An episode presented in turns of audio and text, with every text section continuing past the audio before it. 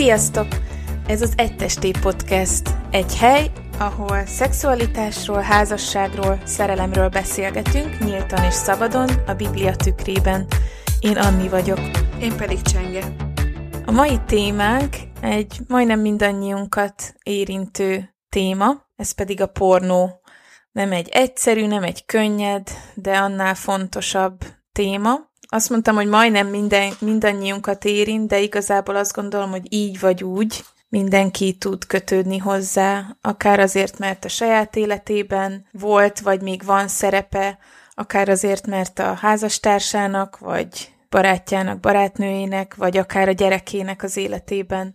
Ez téma. A pornó egy olyan drog, amivel előbb vagy utóbb találkozni fogunk. Nem az a kérdés, hogy fogunk-e, hanem hogy mikor. Igen, egy olyan ö, dologról van szó, ami azt mondhatjuk, hogy milyen áthatja a kultúránkat és a, a társadalmunkat, még akkor is, ha annyira nagyon a felszín alatt van, hogy, hogy ebben nem szoktunk bele gondolni, hogy, hogy tényleg mennyi mindenre van hatással.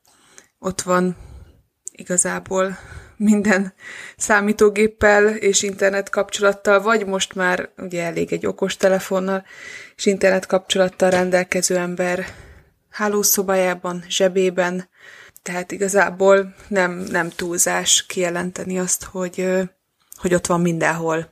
Igen, erről is fogunk majd beszélgetni, hogy miért olyan vonzó a pornó. És a legelején szeretnénk pár szót szólni arról, hogy hogy gondolkodunk mi a pornó és az önkielégítés kapcsolatáról, vagy talán azt mondhatom, hogy hogy azt szeretnénk egy kicsit körbejárni, hogy van-e különbség a között, hogy valaki pornóra önkielégít, vagy simán önkielégít. Elsősorban ugye morális szempontból, vagy hát így végülis igen, erkölcsi szempontból nézzük meg ezt a dolgot, hogy van-e különbség a kettő között. Azért tartjuk fontosnak ezt a megkülönböztetést, mert hogy majd később el fog hangozni, hogy meg alá is támasztjuk bőven, hogy mm. a pornót, a pornó használatot azt, azt úgy, ahogy van, elutasítjuk, és, és, és nagyon fontosnak tartjuk azt, hogy, hogy ez világos legyen, hogy semmilyen körülmények között nem szabadna, hogy helye legyen egy ember életében, és ez most nagyon szigorúnak, nagyon hmm. ilyen nem is tudom, vaskalaposnak tűnik, de bőven meg fogjuk magyarázni, hogy miért gondoljuk ezt. Viszont a, ezzel szemben az önkielégítés témája az annyira tág, annyira ezerféle árnyalattal bíró, és nem ennyire fekete-fehér, sőt, azt gondoljuk, hogy nagyon-nagyon káros, hogyha ha fekete-fehéren próbálunk róla gondolkodni, hogy ezt a kettőt mindenképpen azt gondolom, hogy el kell választani egymástól. És egy fontos dolog ebben, hogy azért gondoljuk, hogy nem fekete-fehér, mert az igében sincs fekete-fehér instrukció ezzel kapcsolatban. A, a Biblia nem szól erről konkrétan, a szexualitásról, meg a szexről, meg a szex helyéről nagyon sokat beszél, és erről, erről már szólt epizódunk is, tehát azt hisszük, azt valljuk, hogy a, a szexet Isten két embernek is csak a házasságba adta, és emellett azt gondoljuk, hogy az önkielégítés az, az nem egy ilyen egyértelműen meghatározható dolog. Ugye egészen röviden csak azt el tudjuk mondani most ebben az epizódban, hogy, hogy része a szexuális fejlődésünknek, egészen másról van szó gyerekkorban, tinédzserkorban, a házasság előtt, a házasság után, és, és Csenge, kérlek, hozd meg azt a gondolatot, amiről beszélgettünk így ezzel kapcsolatban. Nekem sokat adott, amit, amit te mondtál. Igen, én uh, Julie Slattery-től olvastam már elég sokat, igen. idézünk tőle, de igen, elég nagy hatással van arra, hogyan ezekről a dolgokról beszélgetünk, meg gondolkodunk, vagy rám igen. mindenképpen. Szóval őnála olvastam konkrétan ezt a mondatot, vagy ő ezt többször is elmondta, hogy azt gondolja, hogy az önkielégítés az sokkal inkább az érettségnek a kérdése, és nem pedig egy ilyen morális erkölcsi kérdés, vagy sokkal kevésbé Igen. morális erkölcsi kérdés. Tehát, hogy én is valahogy így érzem, azt azért elmondom, hogy nincsen egy, nem is tudom, sziklaszilárd, megdönthetetlen hitvallásod. Teológiám, vagy hitvallásom, igen, igen, ebben a, ebben a témában, mert tényleg annyira sok szempontot kell mérlegelni, hogyha az ember erről véleményt szeretne alkotni, és már egyszer egy Instagram live-ban, vagy egy órán keresztül beszéltem róla, és szerintem abban sem sikerült semmilyen, nem is tudom, sziklaszilárd dolgot kinyilatkoztatni ezzel kapcsolatban. Tehát, hogy sokkal inkább az az érzésem, hogy ugye azt mondtad, hogy rész a szexuális fejlődésünknek, tehát, hogy, hogy, hogy ez a dolog valahogy így a, a saját szexualitásunkkal való viszonyunk, Isten tervével való viszonyunk, úgy egyáltalán a, az érettségünk, lelki érettségünk folyamatának a, a része. Sokszor, nagyon sokszor a szexuális jellegű sebekből, vagy akármilyen korábbi sebekből való gyógyulásunknak is a része, tehát hogy ezt is azért már eléggé ismeri a pszichológia, hogy, hogy milyen erős összefüggés van a traumák, a gyerekkori sebek, stb. és aztán a különböző szexuális viselkedések és az önkielégítés is beletartozik, tehát hogy a között. Tehát, hogy igen, hogy ez egy folyamatnak a része, és ebben a folyamatban mind az, hogyha azt mondjuk, hogy ez teljesen normális, és csak csináld, és élt ki minden késztetésedet, az is káros, de az is, hogyha ha csak a felszínen kezeljük ezt az egész történetet, és azt mondjuk, hogy utálatos bűn, és azonnal hagyd el. Egyik oldalra sem szeretnénk tartozni, tehát nem akarjuk azt mondani, hogy amit ugye olyan gyakran hangoztatnak manapság, hogy ez kell, muszáj, tehát hogy ez, ez abszolút nem. Tudjuk, hogy, hogy a gyönyört, a szexuális gyönyört azt nem ebben, alapvetően nem ebbe a kontextusba kaptuk, viszont azt is, én azt gondolom, hogy az is káros, hogyha ez csak maga tett, csak a felszínen van kezelve, és és hatalmas energiákkal tud elvonni az embertől, hogyha erre így ráfókuszál, és, és igazából ez válik a, az élete egyik nagy céljává, hogy, hogy az önkielégítést elhagyja.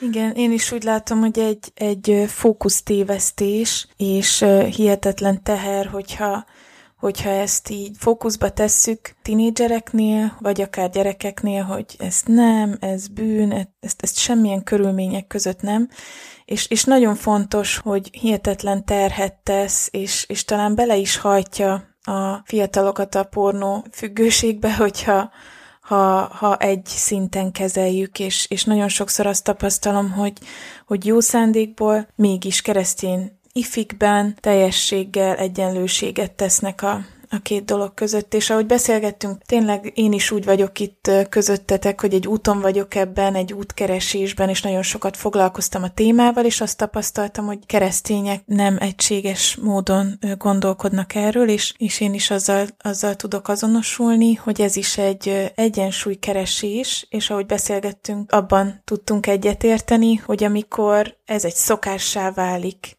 ez egy unaloműző, ez egy stresszoldó, ez rendszeres, pontosan tudod, hogy mikor, hogy, és része a, része a napnak, akkor, akkor ez egyértelműen káros. Tehát ez ugyanúgy függőséget tud okozni az önkielégítés is, hozzá lehet szokni, és azt gondoljuk, hogy amikor egy-egy alkalommal feszültséglevezetőként jelen van valakinek az életében, akkor nem, nem kell erre nagy hangsúlyt fektetni, nem, nem itt van a fókusz. Úgyhogy majd beszélgethetünk részletesebben is, akár egy, egy jövőbeni epizódban erről. Most viszont uh-huh. szeretnénk a pornóra áttérni.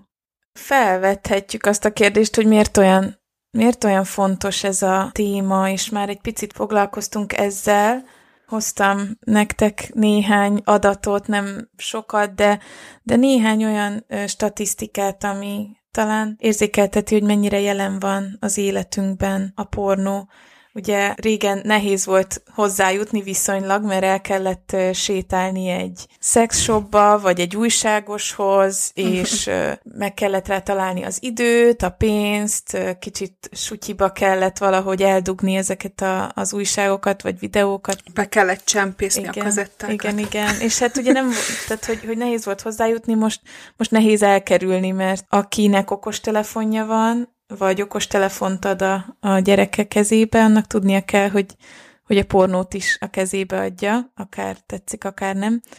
minden ötödik mobilos keresés pornó témájú, azért ezt egy kicsit nehéz felfogni szerintem. Azt és, és ugye nem csak a felnőtteknél, most nem a gyerekekről fogunk beszélni, de azért tudjuk azt, hogy a 7-től 10 éves korosztály harmadik leggyakoribb keresőszava a pornó. Tehát, hogy uh-huh.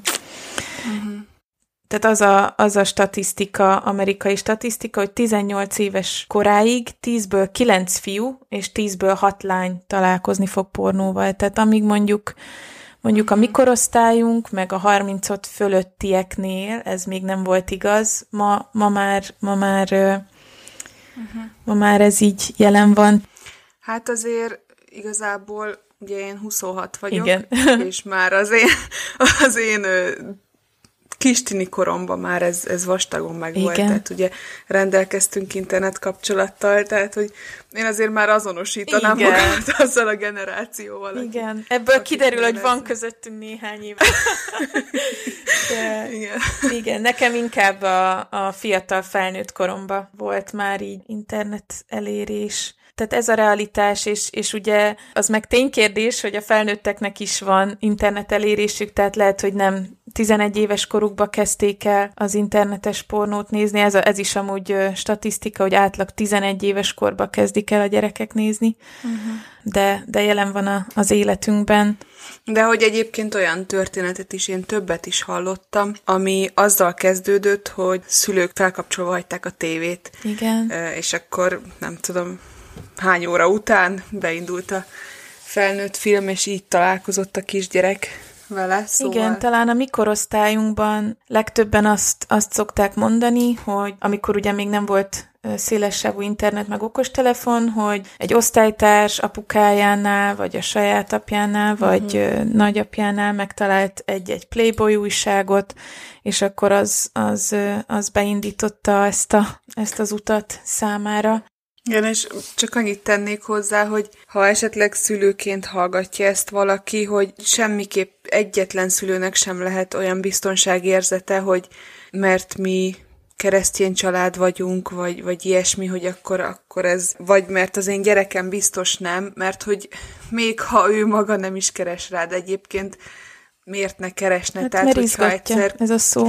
Kíváncsi, igen, beszélgettek róla az iskolába, akár csak lehet, hogy tehát lehet nem pornót akar nézni, hanem csak szexuális felvilágosításra vágyik, mert ennyi idős korában ez teljesen normális, és beírja a szex szót a Google-be, akkor pornográf tartalmakat fog találni. Én ezt szóval... meg is szóval- tettem, és ledöbbentem, tehát ne azt gondoljátok, ha beírjátok a szexót, hogy egy férfi és egy nő fog feljönni egy, egy szeretetteljes ölelő ö, pozícióban, hanem mindenféle más, igen.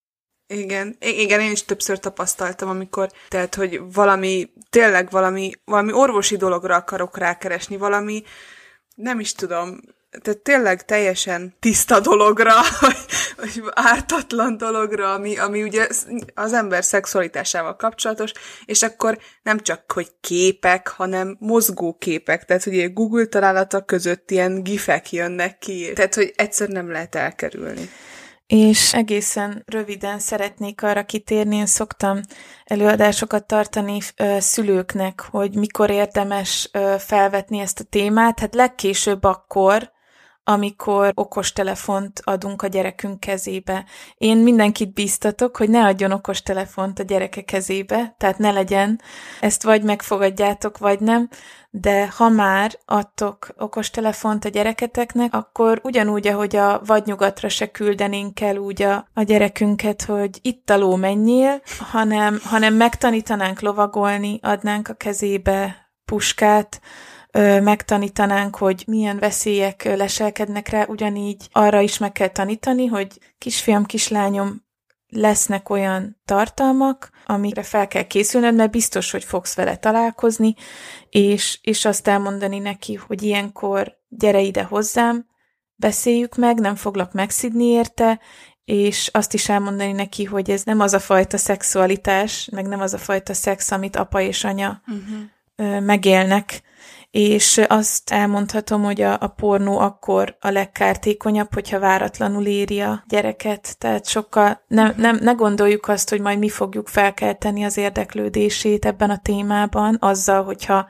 felkészítjük, hanem pont elveszük, a, elveszük az erejét azzal, hogy beszélünk róla, mert amikor valaki először találkozik, lehet, hogy, lehet, hogy ezzel sokan tudtok azonosulni, ha visszaemlékeztek arra, hogy, hogy találkoztatok el, először a pornóval, hogy rengeteg érzelem jelenik meg egyszerre a, uh-huh. a hú, ez izgalmas, hú, ez, ez érdekes, ez engem felizgat, de fúj, undorító, szégyen, esetleg félelem, vagy ijegység annak a uh-huh. tartalmát illetően, amit, amit lát valaki, és, és sok hatást, és e- e- ezeknek az érzéseknek a keveréke aztán simán bele tud valakit abba hajtani, hogy aztán újra és újra hát keresse a pornót. Most, eh, ahogy készültem erre a beszélgetésre, megnéztem egy TED Talkot, mm. a Youtube-on fenn van. Sajnos nem tudom a hölgy nevét, aki tartotta, de ugye pornóról beszélt, és elmesélt egy sztorit, hogy mondta, hogy amikor egyszer ő beszélt szülőknek erről a témáról, akkor felállt egy anyuka ugye a közönségből, és elmesélte, hogy egyik nap a 6-8 éves mhm. közötti, mm. nem tudom pontosan, hogy mennyi idős volt pontosan a gyerek, 6-8 éves között az biztos, kisfia hisztérikus sírással rohant ki a hálószobából, és, és teljesen mm. meg vigasztalhatatlan volt, és és minden, és nem akarta elmondani, hogy mi történt, és aztán hamarosan kiderült, hogy, hogy pornóval találkozott valahogyan, a számítógépén vagy telefonján, nem tudom, és így elmondta az anyuka, hogy az volt a megdöbbentő, hogy nem az gyakorolt rá ekkora hatást, amit látott, hanem az, hogy, hogy azt hitte, hogy amit lát, az ugyanaz, amit a szülei Igen. művelnek a hálószobában. Igen. Mert gyakorlatilag ugye a pornó azt hitheti el, hogy a szex tehát, hogy, hogy a, amit a pornóban látsz, az a szex. Ugye a pornó azt mondja, hogy minden szexuális, ami felizgat valakit. Hogyha az izgat fel téged, hogy egy gyerek sír, miközben erőszakolják, akkor az a szex. Hogyha az izgat fel téged, hogy két férfi és egy nő, akkor az a szex. És hogy nagyon fontos, hogy beszéljünk arról a, a gyerekeknek, hogy a pornó, meg a fiataloknak, meg saját magunknak, hogy a, a pornó uh-huh. nem egyenlő a szexel, az egy fantáziavilág, ami arra van kitalálva, hogy egyre, egyre magasabbra és magasabbra tegye az inger küszöbünket, és így nyújtson kielégülést. Most egy picit hadd térjek vissza arra, hogy, hogy mennyire jelen van és elkerülhetetlen a pornó, meg a pornográf tartalmak a társadalmunkban, hogy hogy szerintem nem sokan gondolunk arra, hogy nem kell ahhoz külön beírni a keresőbe, hogy pornó, hogy találkozzunk vele, elég a, az Instagramon böngészgetni, és a, a keresőbe olyan férfiak és nők találhatók, amik egyértelműen ugye az a céljuk, hogy felkeltsék a szexuális izgalmat, mert ugye uh-huh bármennyire is körül vagyunk véve a, a videó típusú pornóval, azért nagyon sokan, főleg, vagy nem tudom, hogy főleg, de, de keresztények biztos áltathatjuk magunkat azzal, hogy én csak, én csak képeket nézegetek, és azzal keresem az izgalmat, és aztán majd arra önkielégítek. Tehát szerintem hihetetlen nehéz dolga van ma mindenkinek, aki közösségi médiát használ, aki YouTube videókat néz, aki TikTok videókat néz, tehát uh-huh. majdnem mindenkinek, mert hiába van az a célod mondjuk keresztényként, hogy én, én keresztény embereket követek a TikTokon meg az Instagramon, a TikTok eleve feldob mindent, tehát uh-huh. ott egyszerűen, amikor használja az ember, akkor nem is tudja kiszűrni, és, és igazából az Instagram keresőbe is elég azt beírni, hogy beautiful woman, és a határa csillagos ég, hogy, hogy mit fog valaki találni, nem tudom, mit gondolsz erről, Csenge? Hát azt, hogy hogy az erotika és a pornográfia között elég vékony a határvonal. Egyszer uh, olvastam erről, egy, így volt meghatározó, hogy a romantika, az erotika és a pornográfia között mm. igazából csak annyi a különbség, hogy mennyit mutat meg. Mm. Ugye az erotika az, ahol még azért mindent nem mutatnak meg, de felkelti a, az érdeklődést, meg nyilván annak is az a szerepe, hogy felkeltse a vágyat, és aztán onnan nyilván átlépni, mert azért mondjuk egy Instagramon, vagy TikTokon, vagy Facebookon, kifejezetten pornográf tartalmat megosztani, úgy tudom, hogy nem Elvileg lehet. nem lehet, igen. Elvileg nem lehet, igen. Erotikus tartalmat viszont meg lehet, meg én nagyon sok olyannal találkoztam, ami írásbeli pornográfia, tehát hogy erre nem is gondolnánk egyébként. Ó, pedig. Ugye még lehet, hogy azért nem gondolunk, mert annyira hozzá vagyunk már szokva mi a, a videós tartalmakhoz, de még amikor ezek a videós tartalmak nem voltak, akkor is volt írásbeli pornográfia, és Hát az egyik legismertebb az a szürke 50 árnyalata. Tehát az ugye nagyon mondjuk az már mai. Az mai. Igen. Igen. De abszolút nem akarunk sztereotipizálni, ezeket többször olvassák nők, és ugyanúgy pornográf attól, hogy írásos. És szerintem nagyon érdekes kérdés, hogyha ha esetleg hallgatsz minket, és azt gondolod, hogy, hogy most túlzás, amit mondunk, hogy most már az Instagramra is, meg a TikTok videókra is, meg a music videókra is azt mondjuk, hogy pornográf, és én kimerem jelenteni, hogy igen, mert hozzászoktunk, és az inger küszöbünk hihetetlenül felment, és lehet, hogy uh-huh. éppen nem teljesen mesztelenül van mondjuk egy nő azon az Instagram fotón, de konkrétan mindene, minden kis vonala látszik a ruha alatt, mert átlátszó, vagy mert olyan pozícióban van, vagy van egy olyan YouTube videó, majd be fogjuk linkelni nektek, egy TED Talk, az a cím, hogy Growing Up in a Pornified Culture, ahol egy nő felvetít egy képet, egy teljesen átlagos képet, akár képzeljetek el egy, egy óriás plakáton egy fürdőruha reklámot, szerintem mindenkinek megvan az a nézés, ahogy ott a nő néz, hogy, uh-huh. hogy most ö, egy picit játszunk el a gondolattal, hogy kihez beszél ez a nő? A nagymamájához? Tehát, hogy a, az, a, az a nézés, ami, ami ott van, szerintetek kihez beszél a nagymamájához, hogy gyere nagy, ígyunk meg egy teát, vagy kihez beszél Csenge szerinted? Hát nyilván a férfi, A férfihoz. Férfihoz, igen. igen. És, és, és mit mond? Hát azt mondja, hogy dugj meg. Tehát, hogy ez a arckifejezés van rajta, ez a éppen készen vagyok, orgazmus előtti állapotban vagyok, már csak hozzám kell, hogy nyúljál, és hogy annyira megszoktuk ezt, és gyakorlatilag a, a kisgyerekek is ezzel a ezzel a típusú nővel vannak körülvéve, akár az óriás plakátokon is, és hogy akár akarjuk, akár nem, egy ilyen kultúrában élünk, ami, ami hozzászoktatott minket ahhoz, hogy ja, hát ez normális, ez már, ez már úgymond fel sem izgat. Ez nem egy olyan dolog, amit itt most meg fogunk tudni oldani, csak csak legyetek tisztában vele, hogy egy olyan kultúrában élünk, ami masszívan hozzászoktatott minket ahhoz, hogy, hogy ezek igazából normálisak. Egy Miley Cyrus vagy egy Taylor Swift klip, hogy más nem mondja, Cardi B uh-huh. és Little Nas X akiket a legíresebbnek tartunk, nem érdemes azzal kísérteni saját magunkat, hogy ezeket a videókat megnézzük, mondván, hogy ez, ez nem hardcore pornó. Igen. És az is érdekes, hogy ez aztán hogy hat arra, hogy mondjuk mi nőként hogy akarunk költözködni, vagy hogy a tini lányok inkább, mert lehet, hogy én így lassan három gyerekes édesanyjaként már nem biztos, hogy, hogy ezen gondolkodom, hogy ki akarom rakni mindenemet, de a tinédzserekre ez biztos, hogy nagyon erős hatással van, hogy manapság a szexi a szép, hogy olyan, hogy csinos, elegáns, szép, anélkül, hogy szexi, buja, kívánatos, anélkül nem nagyon létezik, vagy hát azt gondoljuk, hogy nem létezik, és ezt te mondtad az egyik előadásodban, és annyira tetszett, hogy az a, az a lány, aki, aki úgy dönt, hogy nem fog kihívóan viselkedni, az a, amellett dönt, hogy nem fogják észrevenni. Igen, a, a láthatatlanság és a, ez nagyon erősen fog hallatszani, de a láthatatlanság és a megdughatóság között kell egy tinédzsernek választania, és nagyon nehéz dolga van, meg egy nőnek is igazából,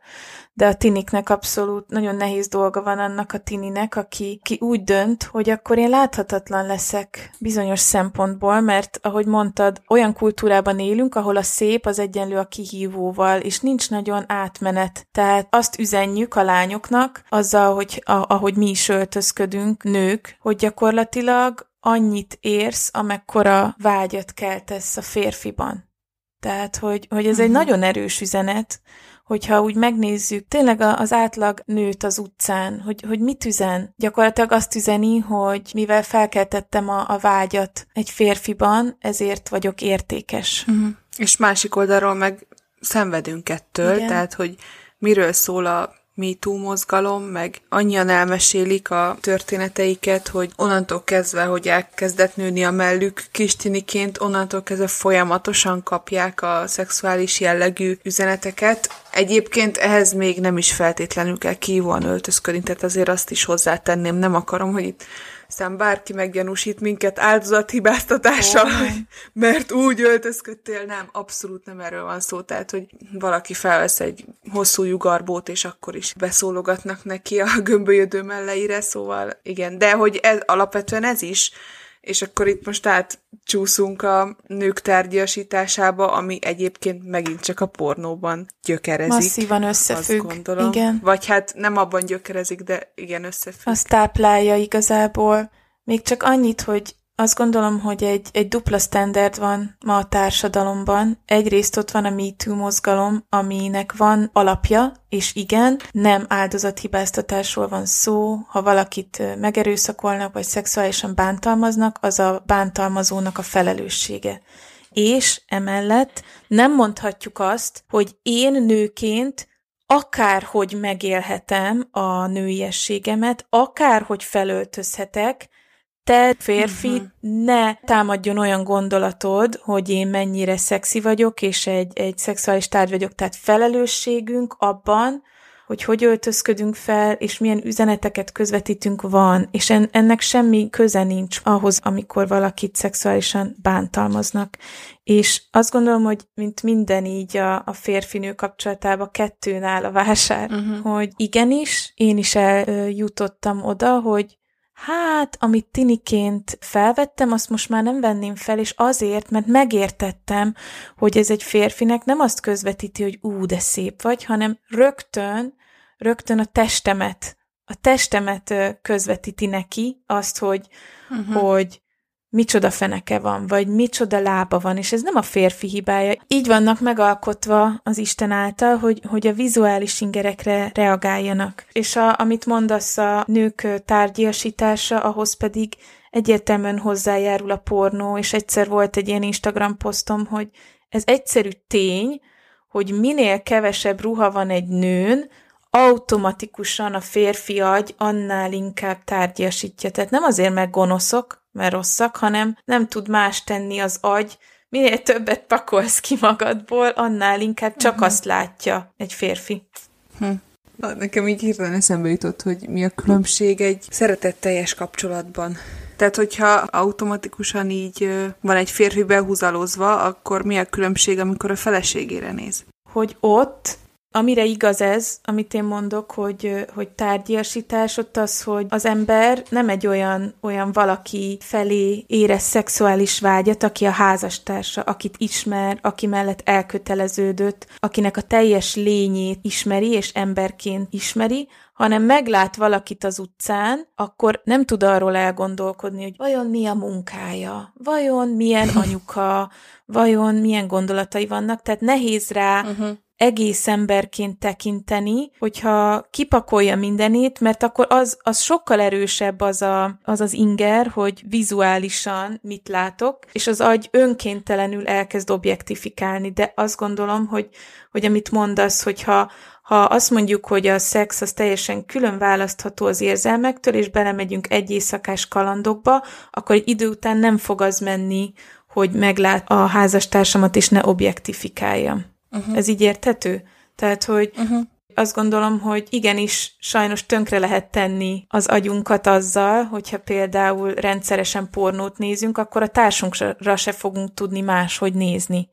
Uh-huh. És az a jó hír, Igen. hogy az agy viszont a neuroplaszticitás miatt képes meggyógyulni. Ugye ez most csak, uh-huh. hogyha a biológiát nézzünk, és még csak nem is vesszük bele a természet fölött itt, hogy Isten is képes gyógyítani akár az, az agyunkat, akár a lelkünket, de hogy ha az ember tudatosan úgy dönt, hogy elkezdem nem objektifikálni a nőket, és ez egy hihetetlen nehéz folyamat, és egy tudatos folyamat, és abba hagyom a pornónézést, akkor szépen lassan meg tud gyógyulni az agy, és szexfüggők és pornófüggők elmondják, hogy jé, egyre kevésbé objektifikálom a, a nőket, egyre kevésbé uh-huh. azt, tehát egyre kevésbé csak szexuális lényként figyelem őt, hanem amikor leállítom az agyamat arról, hogy ránézek, és, és van, van egy ilyen, hogy három másodperces szabály, hogy amikor valaki három másodpercnél tovább bámul egy nőt, akkor lehet azt mondani, uh-huh. hogy ú, uh, itt most megállok, és más fogok csinálni. Uh-huh. Igen.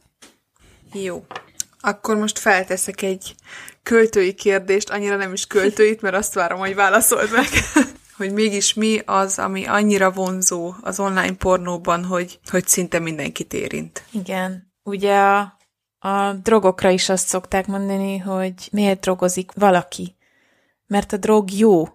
Tehát ugye az alkoholban is, a drogokban is, a pornóban is van olyan, ami egyszerűen rövid távon jó. Uh-huh.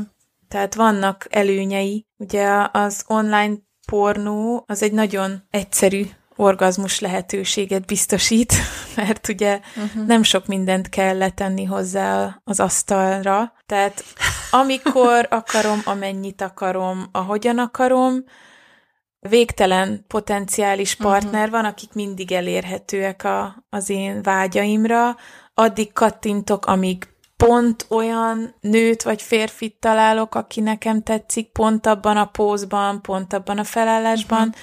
Nincs negatív visszajelzés, senki nem fogja azt mondani, hogy hú, megtennéd, hogy megmosod a fogad, vagy esetleg máshogy szeretném, vagy, vagy ez most nem esett jól, vagy, vagy drágám, ma este annyira fáradt vagyok, hogy képtelen vagyok veled együtt lenni.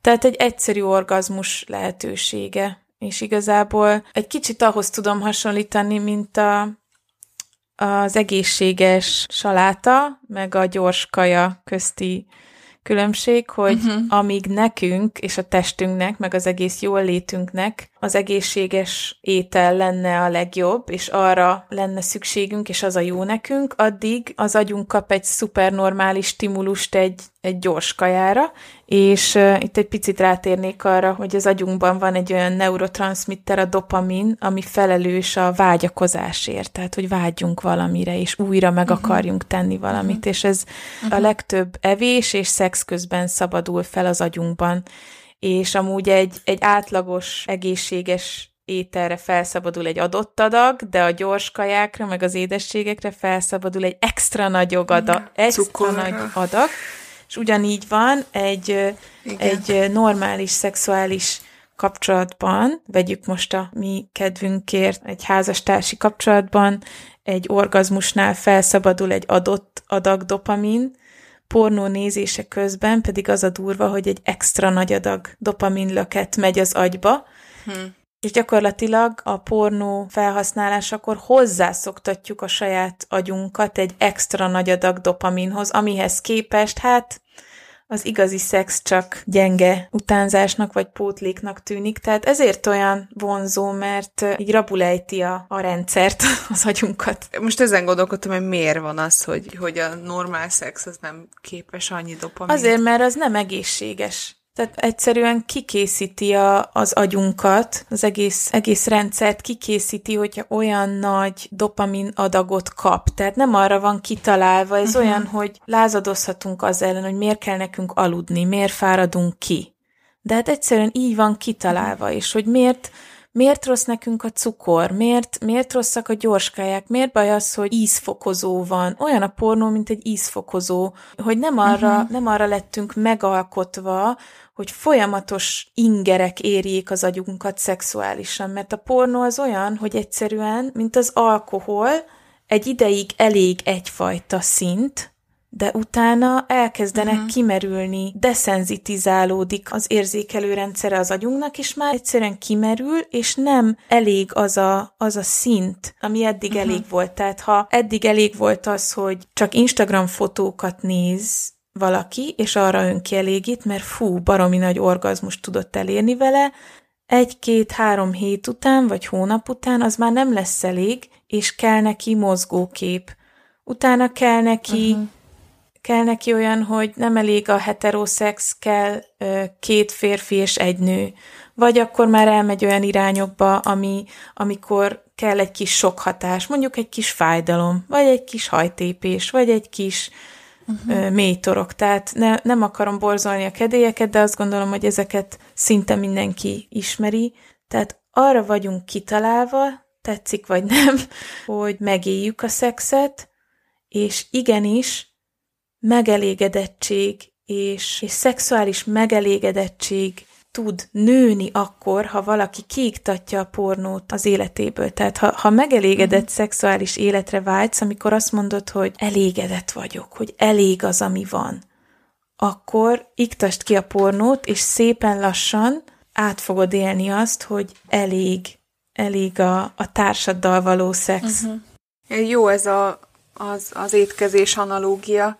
Nekem az jutott eszembe, hogy ha a szervezet vitamin hiányos, mondjuk attól, hogy olyan folyamatosan gyors kajákat eszik, vagy folyamatosan rendes tápérték nélküli ételeket, amik csak jól esnek, akkor egy idő után a hiányt azt, azt úgy éli meg a szervezet, hogy még több uh-huh, ételre vágyik, uh-huh. de igazából nem ételre vágysz, hanem minőség, vagy nem abból a gyors kajából vágysz többre, hanem hanem minőségi vitamindús ételre vágynál, csak ezt a szervezetet folyamatos éjséggel fogja jelezni, és valahogy itt is ez lehet, hogyha valaki szexuális értelemben gyors kajával tömi magát, ami egy ilyen gyors jó érzést okoz, akkor folyamatosan nő az éjsége, folyamatosan nő a vágya, amit nem fog tudni betölteni a pornóval, meg az önkielégítéssel, mert a valódi, igazi, megelégítő szexuális élet az, ami, ami betölteni. Igen.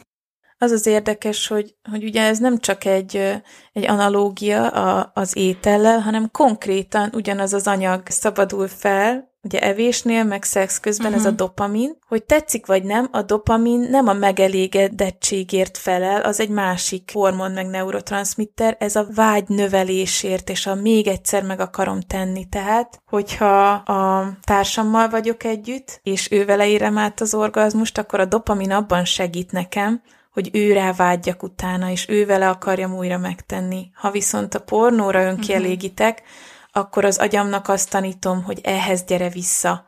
Ez adott neked ö, uh-huh. orgazmust, erre fogsz egyre inkább vágyni. És itt, itt bejön az, hogy ugye a pornó az függőséget okoz, és nem mondhatod csupán azt a függőnek, hogy akarjad jobban, és csak szedd össze magad, és az akaraterődet mozgósítsd, mert a függőségek pont az akaraterőt teszik tönkre. Uh-huh. És mi a helyzet az egyedülállókkal? Mert azért arról most már itt beszéltünk, hogy a, a jó szex a házastársaddal az az, ami megelégít, de nagyon sokan egyedülálló, vagy hát a legtöbben szerintem egyedülállóként kezdik el, mert hogy Igen, nincs más. az a kérdés, hogy, hogy egyedülállók hogy álljanak a, a pornóhoz? Tehát, hogy oké, okay, hogy valakinek a megelégítő szexre van vágya, amit nem fog tudni a pornóval kielégíteni. De mi van akkor, hogyha nincs is esélye rá, hogy, hogy máshogy elégítse ki, mert Igen. hogy nem házas. Tehát, hogy keresztényként mit mondunk erre, mert mondjuk, hogy mit mond egy világi ember, az, az egyértelmű, hogy akkor keres, nem is tudom, értékes párkapcsolatot, vagy, vagy akármi, vagy legalábbis egy Igen. húsvérnőt.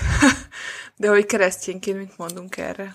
Én azt gondolom, hogy ezt nagyon-nagyon komolyan kell venni ezt a kérdést, és amit, amit most mondani fogok, azt egyáltalán nem félváról mondom. Ez egy mindennapos küzdelem, azt gondolom, egy egyedülállónak, addig, amíg férhez megy, vagy, vagy feleségül vesz valakit. Ez egy mindennapos küzdelem, amit a ma emberének szerintem sokkal-sokkal nehezebb megharcolni, mint akár száz éve volt, mert egyszerűen nem volt ennyi szexuális ingerrel körülvéve a hmm. nagyapánk, a dédapánk, de még a, az édesapánk sem. Tehát ez összefügg azzal, amit mondtunk a nők öltözködéséről, összefügg a közösségi médiával, az egész médiával, hogy egy, egy szex által átitatott kultúránk van, amiben egyszerűen hihetetlen nehéz tisztán megmaradni, és igenis, ez egy mindennapos küzdelem, és emellett azt mondhatom minden egyedülállónak, hogy megéri megharcolni. És tudjátok, ehhez nem kell, nem kell kereszténynek lenni, hogy valaki rájöjjön arra, hogy a pornó és a rendszeres önkielégítés az tönkre teszi nagyon sok világi megmozdulás és mozgalom van most már arra, hogy biztassák a férfiakat és nőket, hogy hagyják abba a pornóra való önkielégítést. Lehet, hogy találkoztatok már az angol kifejezéssel, a NoFap mozgalommal, illetve van még egy nagyon híres, a Fight the New Drug. Ők direkt azt mondják magukról, hogy ők egy nem, nem vallásos csapat, viszont a pornónak a káros hatásaira szeretnék felhívni a figyelmet.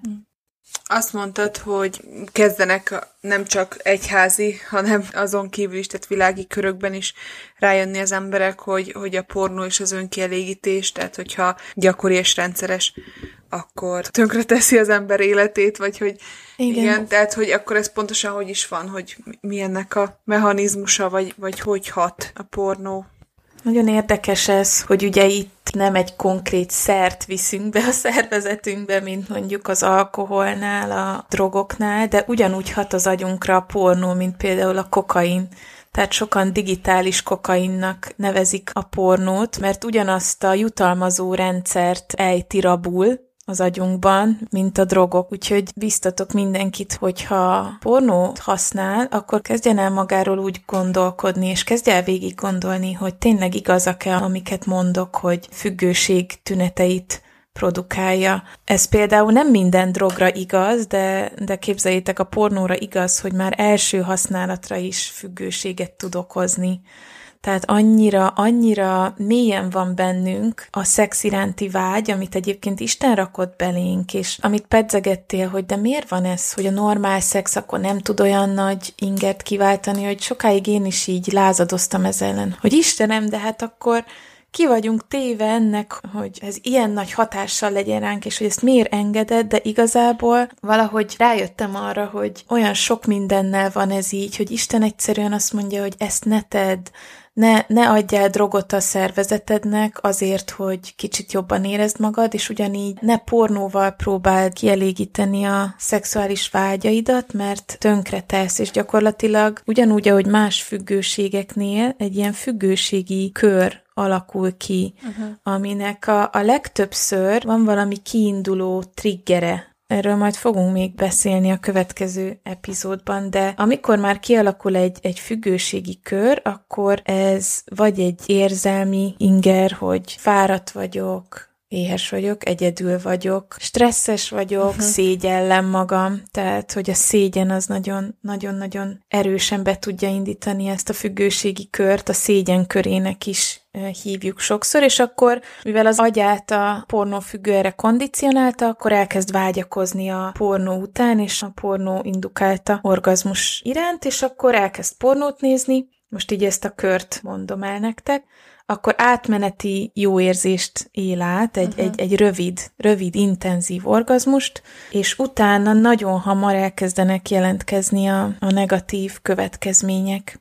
És ez, a negatív következmények bele taszítják őt a szégyenbe, és a szégyen utána szépen újraindítja ezt a kört bizonyos idő után. Uh-huh. Ez ugye nem egy óra alatt zajlik le, kinek hogy van ez a függőségi kör, uh-huh biztatok mindenkit, hogy gondolja végig, hogy a szégyen az milyen hatalmas hajtóereje gyakorlatilag a pornófüggőségnek, és ezt újra kihangsúlyozom, mert tény, hogy ez nem csak a hívőknél van ez a szégyen.